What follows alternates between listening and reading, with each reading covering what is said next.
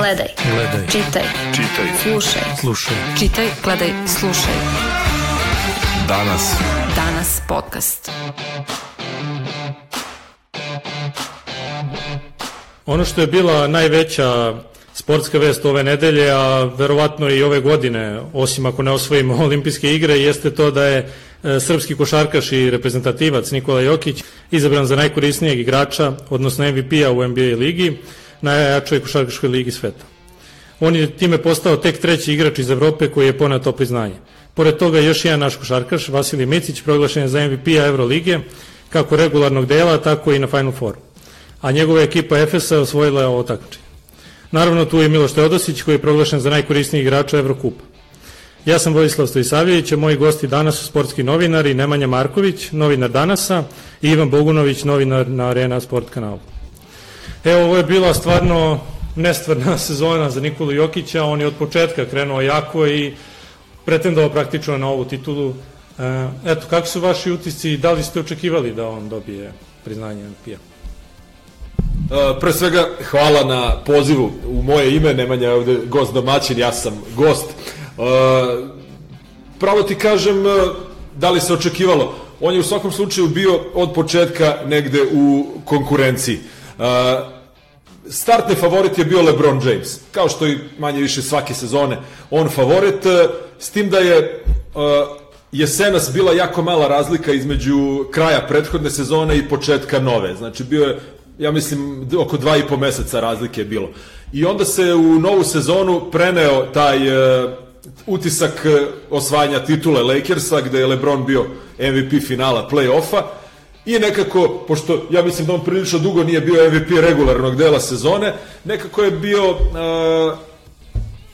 opšte, opšte neko razmišljanje da je vreme da on sad ponovo, a to bi mu bio peti put u karijeri, uh, postane MVP regularnog dela. I LeBron je stvarno igrao fenomenalno prvih uh, nekoliko meseci sezone, dva meseca, tri možda, uh, do te povrede skočnog zgloba koju je doživeo u martu.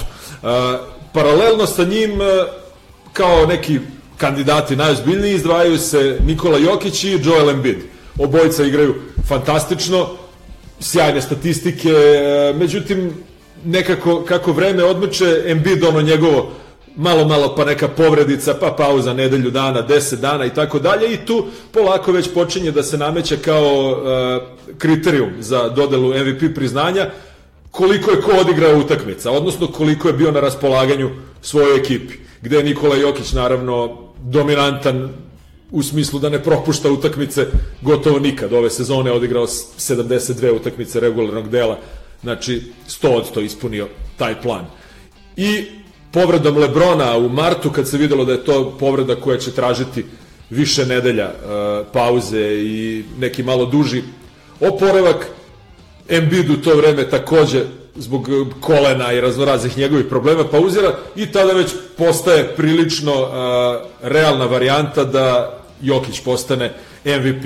Kao jedina uh, prepreka, da kažemo, pred njim još postavlja se timski rezultat Denvera Znači, očekuje se, jer kao sad nije baš najadekvatnije da ti MVP bude iz ekipe koja recimo sedma ili osma na tabeli svoje konferencije, međutim eh, on je ta, tu ekipu Denvera držao konstantno u prva četiri na zapadu i kako se sezona, da kažem, bližila kraju, postalo je nekako sve realnije, sve izvesnije da će se upravo to desiti, znači da će on biti favorit za MVP, a to se videlo i po tome što uh, ti američki novinari koji tamo čine jedan uh, značajan deo žirija, jedan po jedan su nekako u svojim uh, obraćanjima u javnosti na društvenim mrežama nagoveštavali da bi to mogao da bude epilog.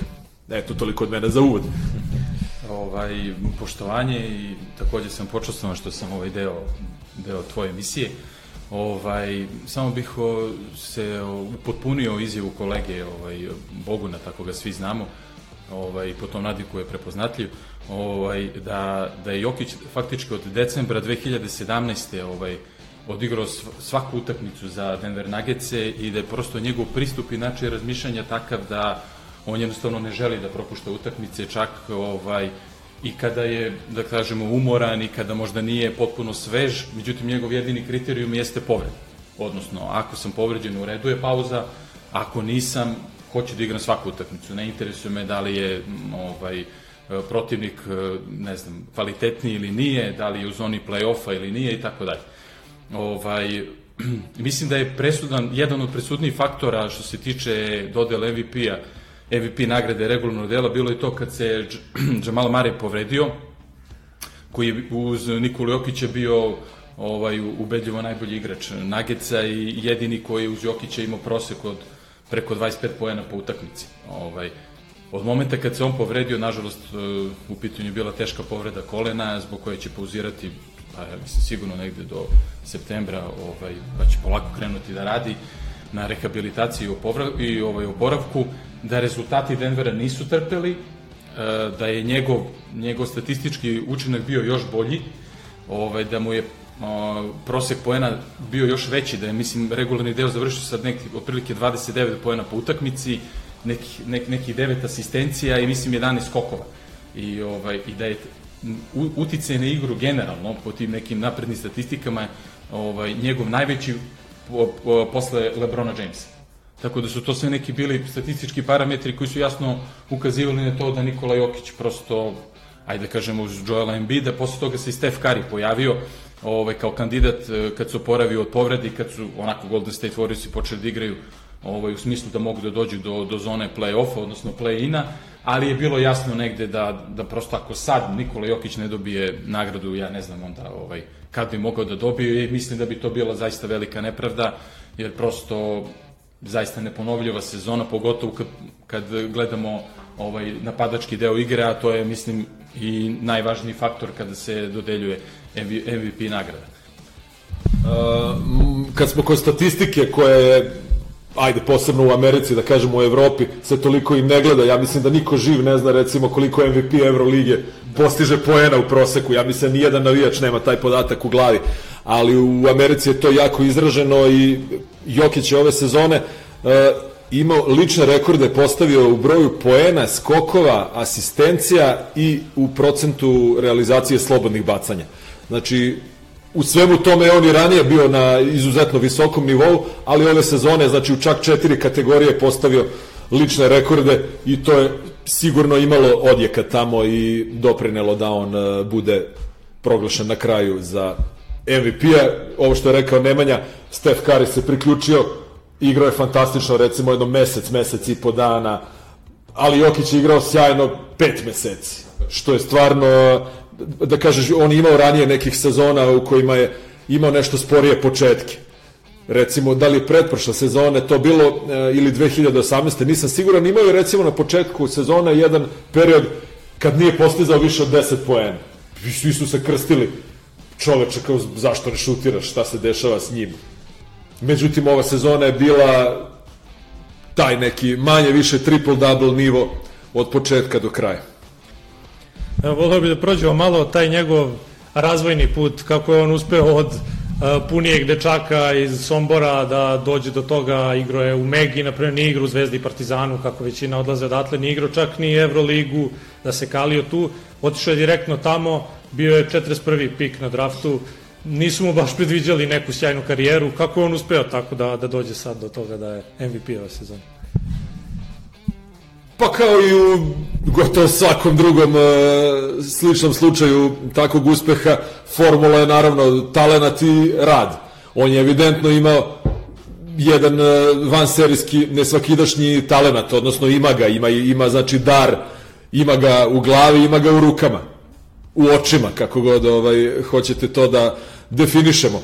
Znači, jednostavno bilo je potrebno u to vreme kad je on igrao za košarkaški klub Vojvodina, nje, nje, mlađe kategorije tog kluba, prosto bilo je potrebno samo da ga, jer on je imao tada stvarno fantastične neke statističke učinke, taj čuveni indeks korisnosti koji mnogi, da kažem, možda i preziru ili ga ne vole, otkud znam, a koji otprilike predstavlja neki plus minus znači sabiraju se pozitivne stvari, od, oduzimaju se neke negativne i tako dobijamo neki uh, parametar po kom se vrednuje učinak svakog igrača na utakmici. Jokić je uh, imao te indekse korisnosti po recimo 50, a da kažemo fenomenalna utakmica nekog igrača se smatra kad ima indeks recimo između 25 i 30. Znači on je u mlađim kategorijama gurao do 50 i to automatski onda je uticalo da skrene na sebe pažnju skauta, konkretno je to agencije Beobasket uh, Miška Ražnatovića, koji je naravno i siva eminencija košarkaškog kluba Mega, i da oni njega jednostavno prvi ugrabe, dovedu ga u svoj sistem, a sistem Mege u tom smislu, ako ga poredimo sa Crvenom zvezdom i Partizanom pre svega, e, ima veliku prednost jer pred mlade igrače ne postavlja imperativ e, ostvarenja nekog timskog e, rezultata spektakularnog. Naravno, Mega uvek želi da bude na želi da bude konkretno uvek u ABA ligi, želi da bude u juniorskim takmičenjima uvek u vrhu, ali recimo nema imperativ da bude među prva četiri u ABA ligi. Dešavalo se da Mega bude deseta, jedanesta i to nije nikakav problem. Jednostavno prioritet je razvoj tih e, mladih igrača koje klub e, u datoj sezoni označi kao prioritet. I naravno, oni su Jokića u to vreme kada je bilo Nemanja zaista mnogo kvalitetnih mladih igrača od samog Vasilija Micića, budućeg MVP-a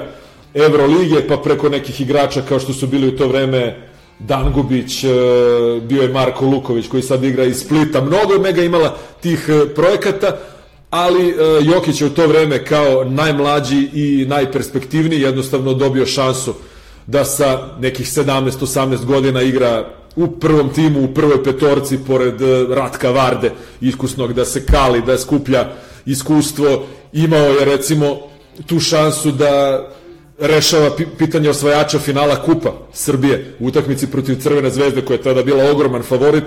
Poslednji napad Megije na jedan razlike za zvezdu išao je na Jokića i on je promašio. Ali to je ono što su da. prošli i Jordan je prošao promašaje i Danilović i Đorđević i ne znam ko sve ne, pa tako i Jokić. Uglavnom e, ta Mega e, je njemu dala sav prostor, svo poverenje, svu šansu da se razvija, da radi, da uči na greškama i naravno uz taj toliko poznati, to se sad već malo svodi na neki estradni element, ovaj, taj način na koji je on svoje telo počeo da dovodi u red, jer jednostavno dečko je iz Sombora, iz jednog podneblja gde postoji prosto jedan kult do, dobre, kvalitetne i obilate ishrane i tako dalje i on je jednostavno bio sklon tome. Ne, neki ljudi su prosto skloni uh, da, na, da lako nabace kilažu, da im se mast lepi na telo i, i, i moraju mnogo više da paze od, od nekih drugih. I sad, eto, konkretno, da napravim digresiju. Zamislite vi sad e, koliko Jokiću, recimo, je trebalo više vremena, truda i discipline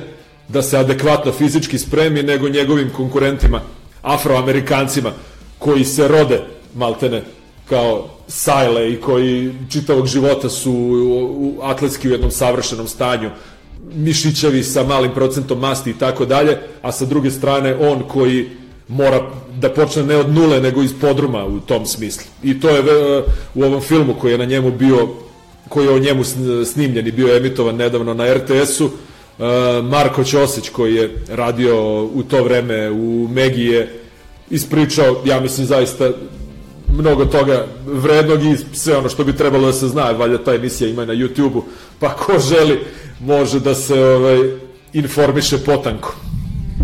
Ovaj, evo sve što je, što je Bog mu rekao, apsolutno je tako. Ovaj, bilo je tu naravno i stice srećnih okolnosti upravo to da da prosto menadžer Miško Ražnatović u, u žurnalu, ja mislim da je to bilo ovaj, vidite neke statističke brojke koje su zaista bile impresivne i da ga odma angažuje i dovede u Megu, iako to nikada nije radio na taj način, a da pre toga ne pogleda igrača više puta. Tako da je ovaj on kad je kad je stigao u Megu zaista u tom nekom smislu ovaj kondicionom fizičkom nije bio na, na, na nekom nivou, ali ono što je što, što bih naglasio jeste da što se tiče talenta da je tu bio impresivan i uh, njegova motorika je bila ovaj na jednom visokom nivou i tada ovaj i bilo je naravno važno da se to oplemeni. Velike zasluge osim doktora Ćosića ovaj što je Bogu spomenuo jeste i zasluga naravno Dejana Milojevića ovaj, čoveka koji bi danas verovatno u modernoj košaci bio petica, ja mislim da bi on bio danas ono što je Kali Heinz u, u, u, u Milanu, ovaj, tako da rad sa njim je zaista bio privilegija ne samo za Jokića, u tom momentu je bilo mnogo, mnogo centara u Megi sa klasičnih centara, da kažem, ovaj, starih petica sa kojima je Milović radio, tu je bio naravno Ratko Varda, bio je Boba Marjanović, bio je ovaj, naš momak, kako se beše preziva, što je posle otišao u Tursku, iz Kragujevca momak. Čantekin. Čantekin, da, da, Čantekin i tako dalje. Ovaj, I u, u, tom, u tom načinu rada, znači uporedo je on ovaj, da kažem tako, doveo svoje telo do, do određenog nivoa, da prosto može u kontinuitetu da igra na određenom nivou i, ovaj, i naravno ta njegova centarska tehnika je, je oplemenjena do nivoa da je prosto a, postojala mogućnost da on ode u Barcelonu pre nego što je uopšte bila ideja da, da ide u NBA ovaj, i desila se ta utakmica, da ona, da kažemo, igrački podbacio, odigrao slabo, mislim da je Cedevita bila u pitanju, protiv Cedevite, ovaj, da posle toga su se malo ovaj, skauti, to jest menadžerski, menadžerski deo Barcelona se malo pokolebao i u tom nekom intervalu je prosto Miško odlučio da da možda ipak treba da ide u NBA jer ovaj zapravo program EGI jeste takav da je prilagođen što što boljem i lakšem dolasku na draft pre svega. Znate šta je bitno da, da ovde kažemo kad smo pričali već o tom samom odlasku na draft i odlasku u NBA. Znači, mi sada, sad da kažemo tim primerom Jokića, vode se i mnogi drugi igrači, e, posebno eto kad znamo iz Mege, recimo ovaj mali Francuz e, Luvavu je išao direktno u NBA, Ivica Zubac je otišao direktno u NBA, mada je bio kratko u Megi u principu, ne možemo da ga smatramo baš potpunim uh, njihovim produktom, ali dobro. Ali ono što je uh, specifično za tu situaciju, to je da mi uh, negde od Darka Miličića, koji je bio drugi pik e, na draftu 2003. i koji nije dobro prošao u NBA-u. Ja bih rekao sticajem okolnosti, jer je te godine drugi pik imala ekipa koja se bori za šampionsku titulu, što je jako redka situacija. Uh, uglavnom, on uh, je, da kažemo, i dan danas će ga uvek tamo većina novinara i ljubitelja košarke navesti jednim od najvećih promašaja u istoriji drafta. A on to možda uopšte nije morao da bude, samo da je otišao u neki drugi klub gde, gde bi u startu dobio veću šansu, više poverenja, bolji odnos sa trenerom napravio i tako dalje. Uglavnom, od tog e, Miličićevog kraha, da ga tako nazovem, mada on igra u NBA-u 7-8 godina, ali opet nije to bilo to. Uh, od te situacije nekako je kod nas uh, bila uvrežena jedna teza da u NBA ti možeš da odeš tek kada odigraš nekoliko sezona na visokom nivou u Srbiji, pa odeš dve, tri sezone negde u neki dobar evropski klub, e onda si spreman sa jedno 24-5 da odeš u NBA da tamo ne bi bio ovaj, e, neka krpa ono koje, koju će da tretiraju otprilike ono da popunjava rupe i tako dalje. Međutim, e, mi smo onda kasnije vremenom imali smo primer Nemanja Bjelice koji je otišao kao MVP Evrolige i nijednog trenutka nije imao neko veliko poverenje. Znači sve vreme je tretiran kao rezervista, evo i do dana današnjeg je tako, je tako? Bio u Sakramentu prošle sezone, da kažeš, e, starter, ali opet i to je bilo usled povrede Marvina Beglija, koji je bio draft njihov projekat e, veliki, pa se otvorilo mesto. Ali znači MVP Evrolige je otišao u Minnesota pre nego što je Jokić još igrao u Megi i Kuburio igrao 10-15 minuta po utakmici onako kad se ukaže prilika.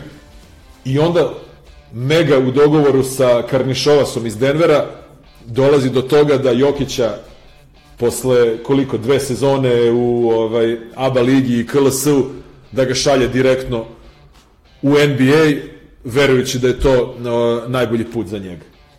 Evo, hteo bih sad da se osvrnemo malo e, na Vasu Micića. On je za razliku od Jokića, eto, prošao taj razvojni put, on isto krenuo iz Mege, ali bio je i u Crvenoj zvezdi, kalio se onda po Evropi, bio u Žalgirisu i sad u Efesu, gde je na kraju to kao zakružio celu tu dosadašnju karijeru time što, je, što su i osvojili Euroligu i što je on MVP i regularnog dela i Final Fora. A, on će sledeće sezone zaigrati za Oklahoma.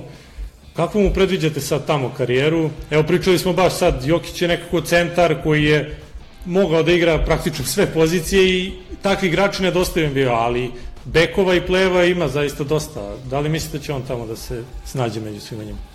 Uh, ti si rekao da će igrati sledeće sezone za Oklahoma, ja mislim da je veliko pitanje za koga će igrati. Uh, Miško Ražnatović, njegov agent, uh, čim je Efes osvojio Euroligu, bukvalno dan kasnije, je dao jednu izjavu koja onima koji znaju malo da čitaju između redova mnogo toga govori. A to je da ako se Vasi ne ukaže prava situacija u tom budućem NBA timu da on neće otići ovog leta, nego da će čekati godinu dana ako treba da bi mu se ukazala dobra situacija, znači mesto gde on može da odmah dobije šansu i da igra. Jer Miško ima negativno iskustvo sa Vasilisom Spanulisom, koga je još pre deseta godina kao tada ono Spanulis tad još nije bio onaj Spanulis koji je postao kad je sa Olimpijakosom dva puta osvojio Euroligu, ali je bio izuzetno kvalitetan e, bek reprezentativac Grčke, osvajač medalja na evropskim i svetskim prvenstvima. I on je otišao u Houston i praktično izgubio godinu dana tamo. Apsolutno nije mogao da dođe do vazduha u toj ekipi. Uh, Miško ne želi, pošto je izuzetno posvećen, naročito, ok, on ima mnogo klijenata iz svih zemalja, ali je naročito normalno posvećen uh, Srbima, znači Jokiću, Miciću i uh, i bio je posvećen u krajnjelini Marku Kešelju, znači koji je igrač na nižem nivou od njih dvojice, ali hoću da kažem samo da izuzetno vodi računa o svojim uh, igračima, posebno tim sa kojima je od njihovih malih nogu uh, koji, o čijoj karijeri brine. I, uh, znači, on je poručio da će Vasa čekati ako treba godinu dana da bi došao do prave situacije za njega u NBA ligi. I šta se dešava? 5-6 dana posle toga pojavljuje se uh, glasina iz američkih medija da se uh, pregovara o trejdu Oklahoma i Chicago. Uh, meni je to potpuno jasno, E, zašto je Miško to izjavio? Oklahoma ima e, Gilđosa Aleksandra, koji je dečko fantastičan e, potencijal neki, ajde da kažeš, taj, play, taj, taj, tačno taj tip playmaker sa jedno dva metra izražene i realizatorske sposobnosti i pre svega igrač koji mnogo drži loptu u rukama. Oklahoma je dovela Francuza Tea Maledona prošlog leta, draftovala ga i to sa visoke pozicije i on tamo ima E, da kažemo, neki status projekta za budućnost na čijem razvoju treba raditi. I sad zamislite vi da na takvu dvojicu igrača Vasa Micić e, dođe tamo sa svim svojim kvalitetima i renomeom. Gužva je, jel tako? Ubeđen sam da će uh, Miško i njegov saradnik, uh, agent Švarc uh, u Sjedinjenim državama, odnosno ne, ne da će, nego da već uveliko rade na prilici za trade e, između Oklahoma i nekog tima gde bi Micić imao čistiju poziciju. Znači, ne zato što on e, možda ne može da e, se izbori svojim kvalitetima za 20-25 minuta po utakmici. On je sigurno za tri klase trenutno ispred recimo tog Tea Maledona malog, ali prosto ne žele da dođe u situaciju da on sa ovim statusom i praktično na vrhuncu svoje karijere dođe tamo i da počinje od nule. Ovo što, ovo što je Bogom rekao, apsolutno se slažem, je, ovaj, jer recimo to su neke razlozi rec, zbog čega recimo Sergio Ljulj nikad nije otišao u NBA, a ne njega, njega mislim prava isto položaj Houston Rockets ili Bodiroga. ili Bodiroga ovaj, e, kako se zove ili recimo Navara koji je otišao u Memphis u momentu kad je bio možda i najbolji bek u Evropi pa je tamo prosto bio epizodista, ne znam da li je bio uopšte ja, da epizodista. Jednu sezonu. jednu sezonu, da, i vratio se. Iako je tamo bio Pau Gasol i on je zbog njega i otišao u, u Memphis, nadajući se da će ta konekcija iz reprezentacije iz Barcelone biti slična u Grizzliesima, međutim nije bilo ni približno.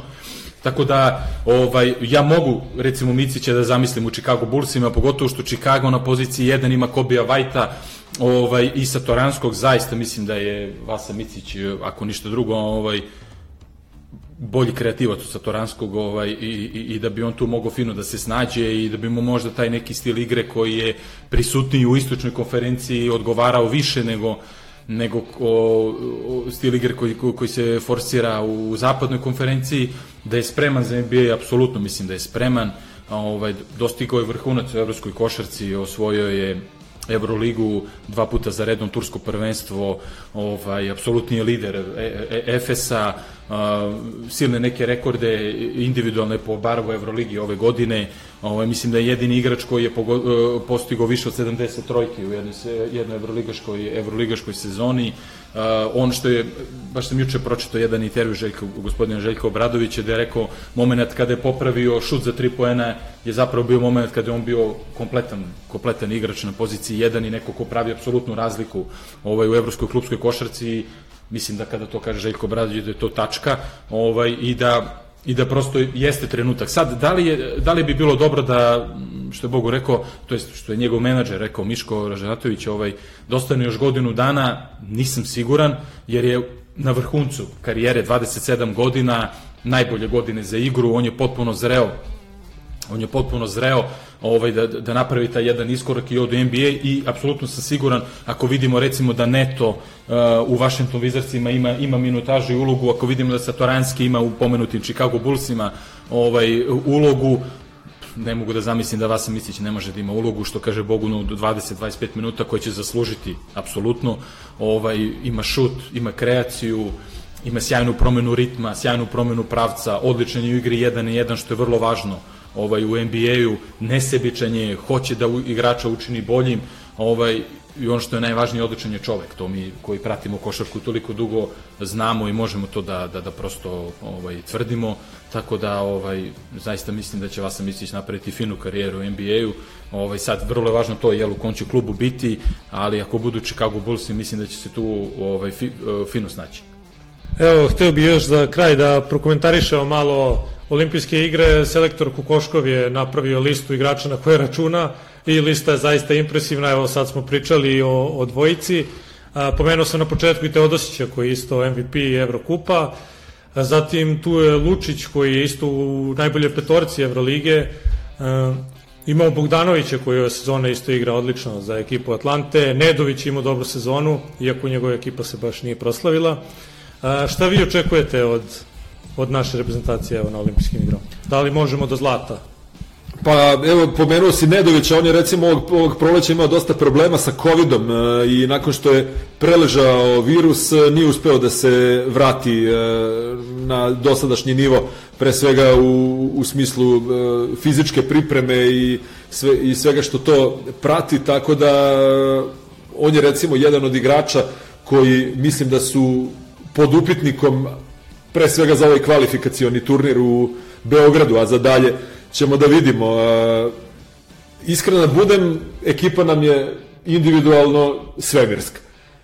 Znači, možda, možda ćemo da budemo jači od Amerikanaca, jer Amerikancima mnogo igrača će, neće moći da se odazove zato što njihov playoff će se igrati finale praktično do nekoliko dana pre početka olimpijskih igara i oni koji budu igrali finala konferencija ili tako dalje, sigurno zbog e, umora i preopterećenosti će se zahvaliti na pozivu, jer oni su imali jako malu pauzu između ove dve sezone i imaće opet malu pauzu između ove i sledeće sezone. I tu sad e, kandidate za recimo za reprezentaciju Sjedinjenih država treba tražiti pre svega u igračima iz ekipa koji uopšte nisu igrale play-off. Ko će sad to biti?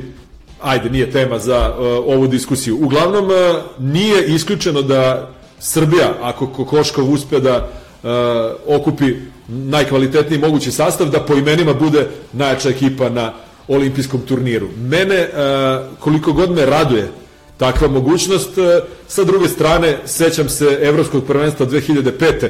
Uh, održanog u Srbiji i Crnoj Gori, tada zajedničkoj državi, gde smo isto tako imali možda najjači tim svih vremena, jači čak i od onog iz Indianapolisa 2002 i kad e, čak ni Željko Obradović, e, a mislim da mu Igor Kokoškov bio tada pomoćnik, nije uspeo da iz svega toga e, izvuče timsku snagu onakvu kakva je bila potrebna i kakvu smo želeli. Ok, ja, svi mi verujemo u ove momke pojedinačno, u njihov karakter, u njihovo zajedništvo, mnogi od njih su već igrali zajedno u krajnjoj liniji u Rio de Janeiro, bili su tu i Jokić, i Teo, i Bogdan, neki igrači su sišli sa scene, ali kažem samo, malu rezervu moramo da imamo, znači ne sad zbog njihovih ličnih slaganja, neslaganja, šta god, nego prosto što ima malo vremena da se napravi ekipa. Igrači su nešto što čini ekipu, ali prost zbir individualnih kvaliteta može da bude odnosno kad se saberu e, individualni kvaliteti u jedan tim, to može da bude i više ili manje od zbira individualnih e, kvaliteta. I tu je sada uh, velika uloga Igora Kokoškova da za nekih mesec dana sve to uklopi Jokić da li će doći, dok li će igrati taj playoff, znači on je pod velikim znakom pitanja, Bogdan Bogdanović možda i pod još većim, jer mi se čini da Atlanta ima realnije šanse da ode dalje u play-offu trenutno nego što ih ima Denver, znači apsolutno je neizvesno na koga će selektor uopšte moći da računa, tako da e, što se kaže da ovaj, ne spremamo ražanje dok je zec još u šumi, nego da sačekamo prvo turnir kvalifik, kvalifikacioni, da pobedimo koga treba da pobedimo, Italija je, bi trebalo da bude najozbiljniji konkurent, pa onda tamo početkom jula da podvučemo crtu i da vidimo na koga selektor uopšte može da računa, na koga ne. I onda da se okrenemo uh, kreiranju igre i timske atmosfere. Eto. A što se tiče onda ambicija na olimpijadi, odnosno olimpijskim igrama, uh, kažem, o tom potom. Znači, važno je da se okupi ekipa, da počnu da rade, da krenu da stvaraju hemiju i na terenu i van terena, pa ćemo onda ovaj, lako da vidimo za ambicije i rezultat. Da, ono što će biti važno, ovaj, naravno prvo da se kvalifikujemo, ovaj, jeste kako će, se, kako će se svi uklopiti, jer uh, sada ćemo imati situaciju da, da, da će svih 12 faktički igrača koji budu bili uh, deo selekcije su lideri u svojim ekipama. Znači oni su prosto naviknuti na to da lopta ide kod njih. Da oni rešavaju i da, da prosto ovaj, maltene u svakom napadu učestvuju. To, to kad, kad igrate za reprezentaciju, jednostavno nije moguće. E sada, kako će se, na koji način oni uklopiti, to će biti, ovaj, ja mislim, najvažnije ovaj i kada smo ostvarivali dobre rezultate ovaj pod vođstvom selektora Aleksandra Đorđevića tu je već bilo daleko jasnije ko su lideri, ko su oni ovaj koji su jako bitni epizodisti i ovaj i kako na koji način reprezentacija treba da ide. E sada će ovo biti, ja mislim, prvi e, jedan teži test od 2005. godine, ovaj, kada smo imali sličnu situaciju gde su svi bili lideri u svojim ekipama i gde svi dolaze u reprezentaciju sa nekim razmišljanjem ovaj, da, da moraju biti jako bitni u tom sistemu. Sada, evo, dajem klasičan primjer, Nikola Jokić je neko ko dolazi sa statusom MVP-a i neko ko igra centra. A ovaj, sada treba takav stil igre da imamo da mu, da mu omogućimo da bude najbolja verzija sebe a u evropskoj košarci je to malo teže. Mnogo ima tu i, i, i razlike u pravilima i, i u dimenzijama terena, na kraju krajeva i u načinima kako se igra u NBA-u, kako se igra u Evropi. Ovaj, jako je to teško se, se uklopiti i prilagoditi, a malo, malo vremena imamo. Druga stvar, a, u kakvoj će e, ovaj, e, situaciji ti igrači doći, pre svega, što je rekao Bogun Bogdanović i, i Jokić, koliko će imati vremena da se odmore, pre svega, ovaj, i mentalno i fizički, i koliko će biti ovaj sposobni da od početka ovaj e, krenu e, krenu ovaj e, na jednom visokom nivou da olimpijski turnir vrlo specifičan manje je ekipa ovaj jedna jedna greška može jedan kiks može može poprilično da vas košta i biće tu po, i veoma veoma kvalitetnih reprezentacija. Prosto ne, ne zaboravimo recimo jedan Brazil ovaj koji uvek može da bude bude vrlo vrlo nezgodna ekipa Argentina takođe da ne pričamo o evropskim, o evropskim selekcijama, Amerika, što rekao Bogun, bez obzira kakav god da je sastav u pitanju, Kanada, za koju recimo svi zaboravljamo da oni imaju 27 28 igrača u ovom trenutku u NBA-u, da imaju jedno 7-8 nosilaca igre, ovaj, evo, Girđius Aleksandar, koga je Bogu spomenuo, on je kanadjanin, ovaj, njegov saigrač Dort, recimo, koji je, ja mislim, jedan od najboljih defanzivaca, isto kanadjanin, ovaj, e, ta, e, tako da biće, biće veoma, veoma kvalitetan turnir, a kod nas poprilično složena situacija. Ono, absurd jeste taj da imamo najbolji igrače u ovom trenutku, ali zaista to treba sve prilagoditi i, i uklopiti u jedan sistem.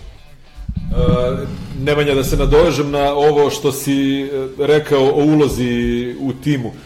Aleksandar Đorđević, eh, ja mislim još 2014. znači pre nego što je osvojio i jednu medalju, eh, tu u Beogradu igran je neki ovaj pripremni meč, ja mislim protiv Turske I baš je bila, bilo postavljeno pitanje, Bogdan Bogdanović je recimo nešto dao 10 poena, recimo u toj utakmici, nešto se nije ovaj, istakao ni na koji način i bilo je pitanje Đorđeviću, eto, šta je sa Bogdanovićem, kao eto, navikli smo da daje 20-25.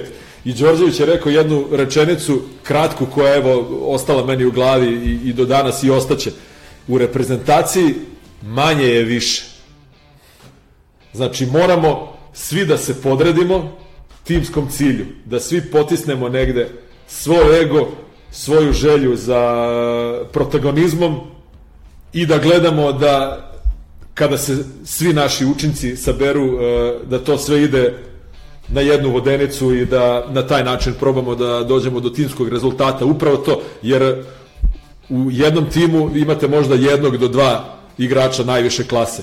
Kada imate sedam ili osam igrača evropske i svetske klase, šta da radite? Prosto ne mogu svi da budu vođe, ne mogu svi da budu glavni. Tu se sad postavlja i pitanje jednog prilagođavanja igračke i socijalne inteligencije, znači da se ti svesno odrekneš e, nečega što što ti realno pripada celog života ili ne znam poslednjih koliko godina karijere. U NBA-u imamo prilike sad takvih, da vidimo takve super timove sa po 3-4 all-star igrača. Evo imamo Brooklyn sa Durantom, Irvingom i Hardenom. Pa da je neko nekad rekao da će takva trojica da budu u istom timu i da igraju, da funkcionišu, ok, oni svaki čas je neko od njih povređen, pa u suštini jako redko su igrala ovaj, sva trojica zajedno, ali igrali su i što je najveći, uh, ono što je najvažnije, i verbalno i u svakom drugom smislu su pokazali uh, želju i spremnost da rade u pravcu znači zajedničkog cilja. I vidimo da i pored njih trojica ima tu mesta i za neke igrače za koje, da kažeš, niko živ nije obraćao pažnju na njih, evo ima prostora i da se oni istaknu u play-off utakmicama. Znači, utakmica traje dugo, e, igra se 5 na 5, e, ima u rotaciji mesta za desetoricu igrača i da kažeš na turniru kao što su olimpijske igre, e, trebalo bi da bude vremena da svako da svoj e, maksimalan doprinos u nekom trenutku i da ostane po nečemu upamćen. Ipak su to slatke muke za razliku od futbolske reprezentacije koja se nije ni plasirala na evropsko prvenstvo, eto 24 zemlje igraju u euro upravo ovih dana, nas nema, mi smo igrali ovu neku turneju po dalekom istoku i čekamo šansu za Katar 2022. E, evo, kad si pomenuo samo, ajde, evo, da završimo s tim, sa futbalom, ko su vaši favoriti na evropskom prvenstvu? Pa evo, ja mislim, biće, biće vrlo kvalitetno, želim da verujem da će biti vrlo kvalitetno prvenstvo. Ja nekako ne bih pričao o, o reprezentacijama koje, koje su u gro planu, e, volio bih da vidim šta će recimo Danska da uradi. Recimo, meni je, meni je to interesantnije u, ovo, u ovom momentu ovaj, nego da radi više, ne znam, o Francuskoj, koja ja ne znam, zaista prosto ne vidim mesto u ekipi gde oni mogu biti nešto slabiji, možda levi bek, ajde da kažemo, gde je Dinji gde je Lucas Hernandez, ovaj, ovo ostalo su zaista sve vedete svetskog futbala, prosto kad se vratio Benzema sad posle, ne znam, 5-6 godina odsustva, ajde da kažemo da negde očekujem da će Griezmann da bude najbolja verzija sebe, jer je prosto on neko kome je potreban najistureniji napadač da bi on mogao da deluje iz tog, da kažem, drugog plana, da su bace između linija i, i, i da bude ono što je bio u Atletico Madridu. Ovaj, ali recimo meni će biti interesantno i e, da vidim kako će se Danska snaći, pošto ima zaista jednu dobru reprezentaciju, ovaj, gde mislim da može ovaj, da bude neko prijatno iznenađenje. Um, Englezi zaista jedinstven trenutak. Ja, ja mislim da oni prosto nisu, nisu godinama imali ovako kvalitetnu reprezentaciju na svim pozicijama, o, o, vrlo dobre, odlične igrače, u, u napadu Harry Kane, ja mislim da, da, da prosto ovaj, o, o, oni mogu da naprave odličan rezultat, ovaj, ali, ali zaista će biti, recimo Austrija može biti isto o, onako poprilično težak protivnik, imaju dobru ekipu, ovaj imaju imaju ovaj u, uigranu ekipu, na kraju kraja tu su i trojca pa možemo kažemo i naših igrača Arnautović, Dragović i uh, Saša Kalečić, je tako ja mislim. Ovaj tako da je to biće interesantno iz tog iz tog nekog ugla da, da ispratimo reprezentaciju Austrije, da vidimo kako će se na koji način način ovaj snaći. Ovaj ali eto, kad govorimo o, o, o, ovaj, o visokom plasmanu, zaista očekujem da će Francuska biti najmanje u polufinalu, Engleze negde, negde tu vidim, Nemci su interesantni, nemaju vrhunskog napadača, dolaze na prvenstvo ovaj, sa jedino s Timom Wernerom koji je, koji je u jednom momentu u jednom u jednom delu sezone u, u Chelsea bio taj ne, najistureniji, međutim ne znam koliko se on tu snalazi, koliko se osjeća komotno kao, kao najistureniji napadač, on u Leipzigu recimo nije bio, nije imao tu ulogu, ovaj, nego više delovao, delovao po krilu, tako da mislim da će im tu biti, biti neki problem onako popriličan, ovaj, ali ali Nemci jel, ovaj, imaju sistem i, i, i ne sumnjam da, da, ovaj, da, će, da će biti dobri na prvenstvu.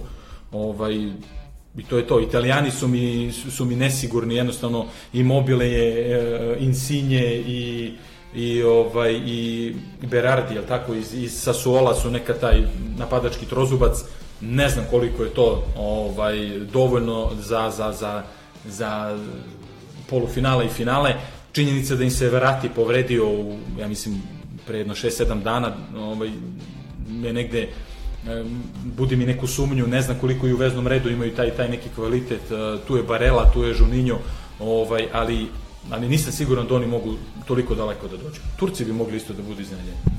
Uh, ja moram priznati, ne pratim toliko reprezentativnu futbalsku uh, scenu, odnosno u poslednjih godinu, dve dana nisam ovaj, najpažljivije pratio. Uh, ok, ovom što si ti dodao, ja mogu samo da kažem iz ličnog ugla, sa posebnom pažnjom ću pratiti Italijane, uh, jer već dugi niz godina ne važe za one, ne spadaju u najuži krug favorita, ali mislim da imaju jednu koliko toliko novu e, generaciju i prosto oni su e, zemlja koja je uvek e, taktički na jednom fantastičnom nivou i koja je uspevala pod vodstvom nekih selektora, mislim Antonija Contea baš da ovaj premaši očekivanja. Jednostavno turnirski sistem e, takmičenja je kao stvoren za njih, oni to imaju u krvi i ovaj i retko kada se desi da podbace od ostalih e, sa posebnom pažnjom ću da pratim e, Engleze, prosto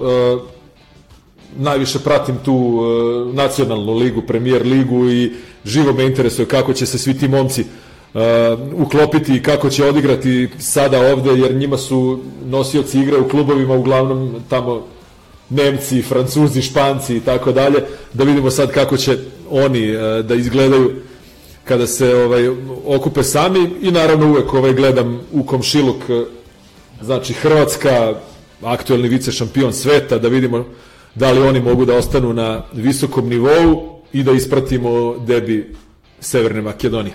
A Belgija? E, Da, pa dobro, mislim, Belgija m, vrhunska reprezentacija, ovaj, mislim sam jutros nešto pročitao da je Azar e, se, se ponovo povredio, ovaj, e, tako da m, s te strane to može da im predstavlja ovaj, određeni hendikep, ovaj, Oni su, mislim, bili treći na poslednjem svetskom prvenstvu, da. igrali polufinale, vrhunska reprezentacija, zaista mogu da, mogu da ponove mogu da ponove taj rezultat, sada vidjet ćemo a, kako će funkcionisati, da li će igrati sa tri, tri pozadi, sa tri štopera ili sa dva, odnosno sa četiri u poslednjoj liniji, ovaj pozicija levog beka nisam siguran koliko koliko su levo i desno koliko su ovaj tu dobri a u modernom fudbalu svi znamo koliko su važni ovaj levi desni bek i koliko prosto ovaj u napadu doprinose realizaciji ovaj tako da s te strane nisam siguran Lukaku naravno fenomenalna sezona u Interu međutim Inter je Inter je ekipa koja koja se prilagodila njemu Antonio Conte tako e, tako ovaj formirao sistem igre da je prosto Lukaku mogao da ovaj da se snađe. Uvek Antonio Conte for, forsira sistem igre da imate dvojicu napadača bili su oni Lautaro Martinez taj napadački tandem i to je njemu jako prijalo. Sad vidjet ćemo da li će u Belgiji ovaj, moći, da, moći da igraju u tom sistemu. Oni, oni uglavnom igraju sa jednim isturenim i sa dvojicom koji igraju po, po strani. Ovaj, tu je Karasko, recimo Karasko koji ove godine u Atletico Madridu nije imao neku sezonu, pre toga je bio u Kini. Pitanje je da li je on taj ovaj, ili, ili mlađi Azara ovaj, koji je bio u Dortmundu, ni on imao neku da kažem, fenomenalnu sezonu, tako da po imenima to deluje sve onako fino i, i, i fantastično, ali kada malo to raščlanite, nisam siguran koliko su oni sad ovaj, toliko moćni. Ovaj, sad, eto, vidit ćemo. Što se tiče Belgijanaca, e, mislim da smo ih svi pratili sa velikom pažnjom e, na prethodnih nekoliko velikih takmičenja. E, čini mi se da su kao ekipa, kao generacija prošli Zenit. Uh, mislim da im je odbrana već ono pod navodnicima matora, uh, bekovi problematični, ovo što je rekao Nemanja, Eden Azar je nestao od uh, transfera iz Chelsea u Real. I ok, tu i dalje su tu De Bruyne, Lukaku, nekoliko igrača koji su i dalje na najvišem evropskom nivou, ali prosto kažem, kao ekipa mislim da je prošao njihov voz uh, za osvajanje titule, za onaj najviši plasman. Naravno da oni imaju kvalitet da se nađu tu negde, da je neko četvrt finale, polufinale, uvek moguće, to sad zavisi od uh, tamo Kostura, koji apsolutno ne znam ovaj, ko se sa, sa kim ukršta posle grupne faze, ali jako bi me iznenadilo sad, na primjer, da Belgija postane prvak Evrope. Ok, evo ja bi ovde završio. Hvala vam što ste bili moji gosti ove nedelje. Hvala tebi na pozivu. Gledaj, Gledaj. čitaj, Čitaj. slušaj. Slušaj. Čitaj, gledaj, slušaj. Danas. Danas podcast.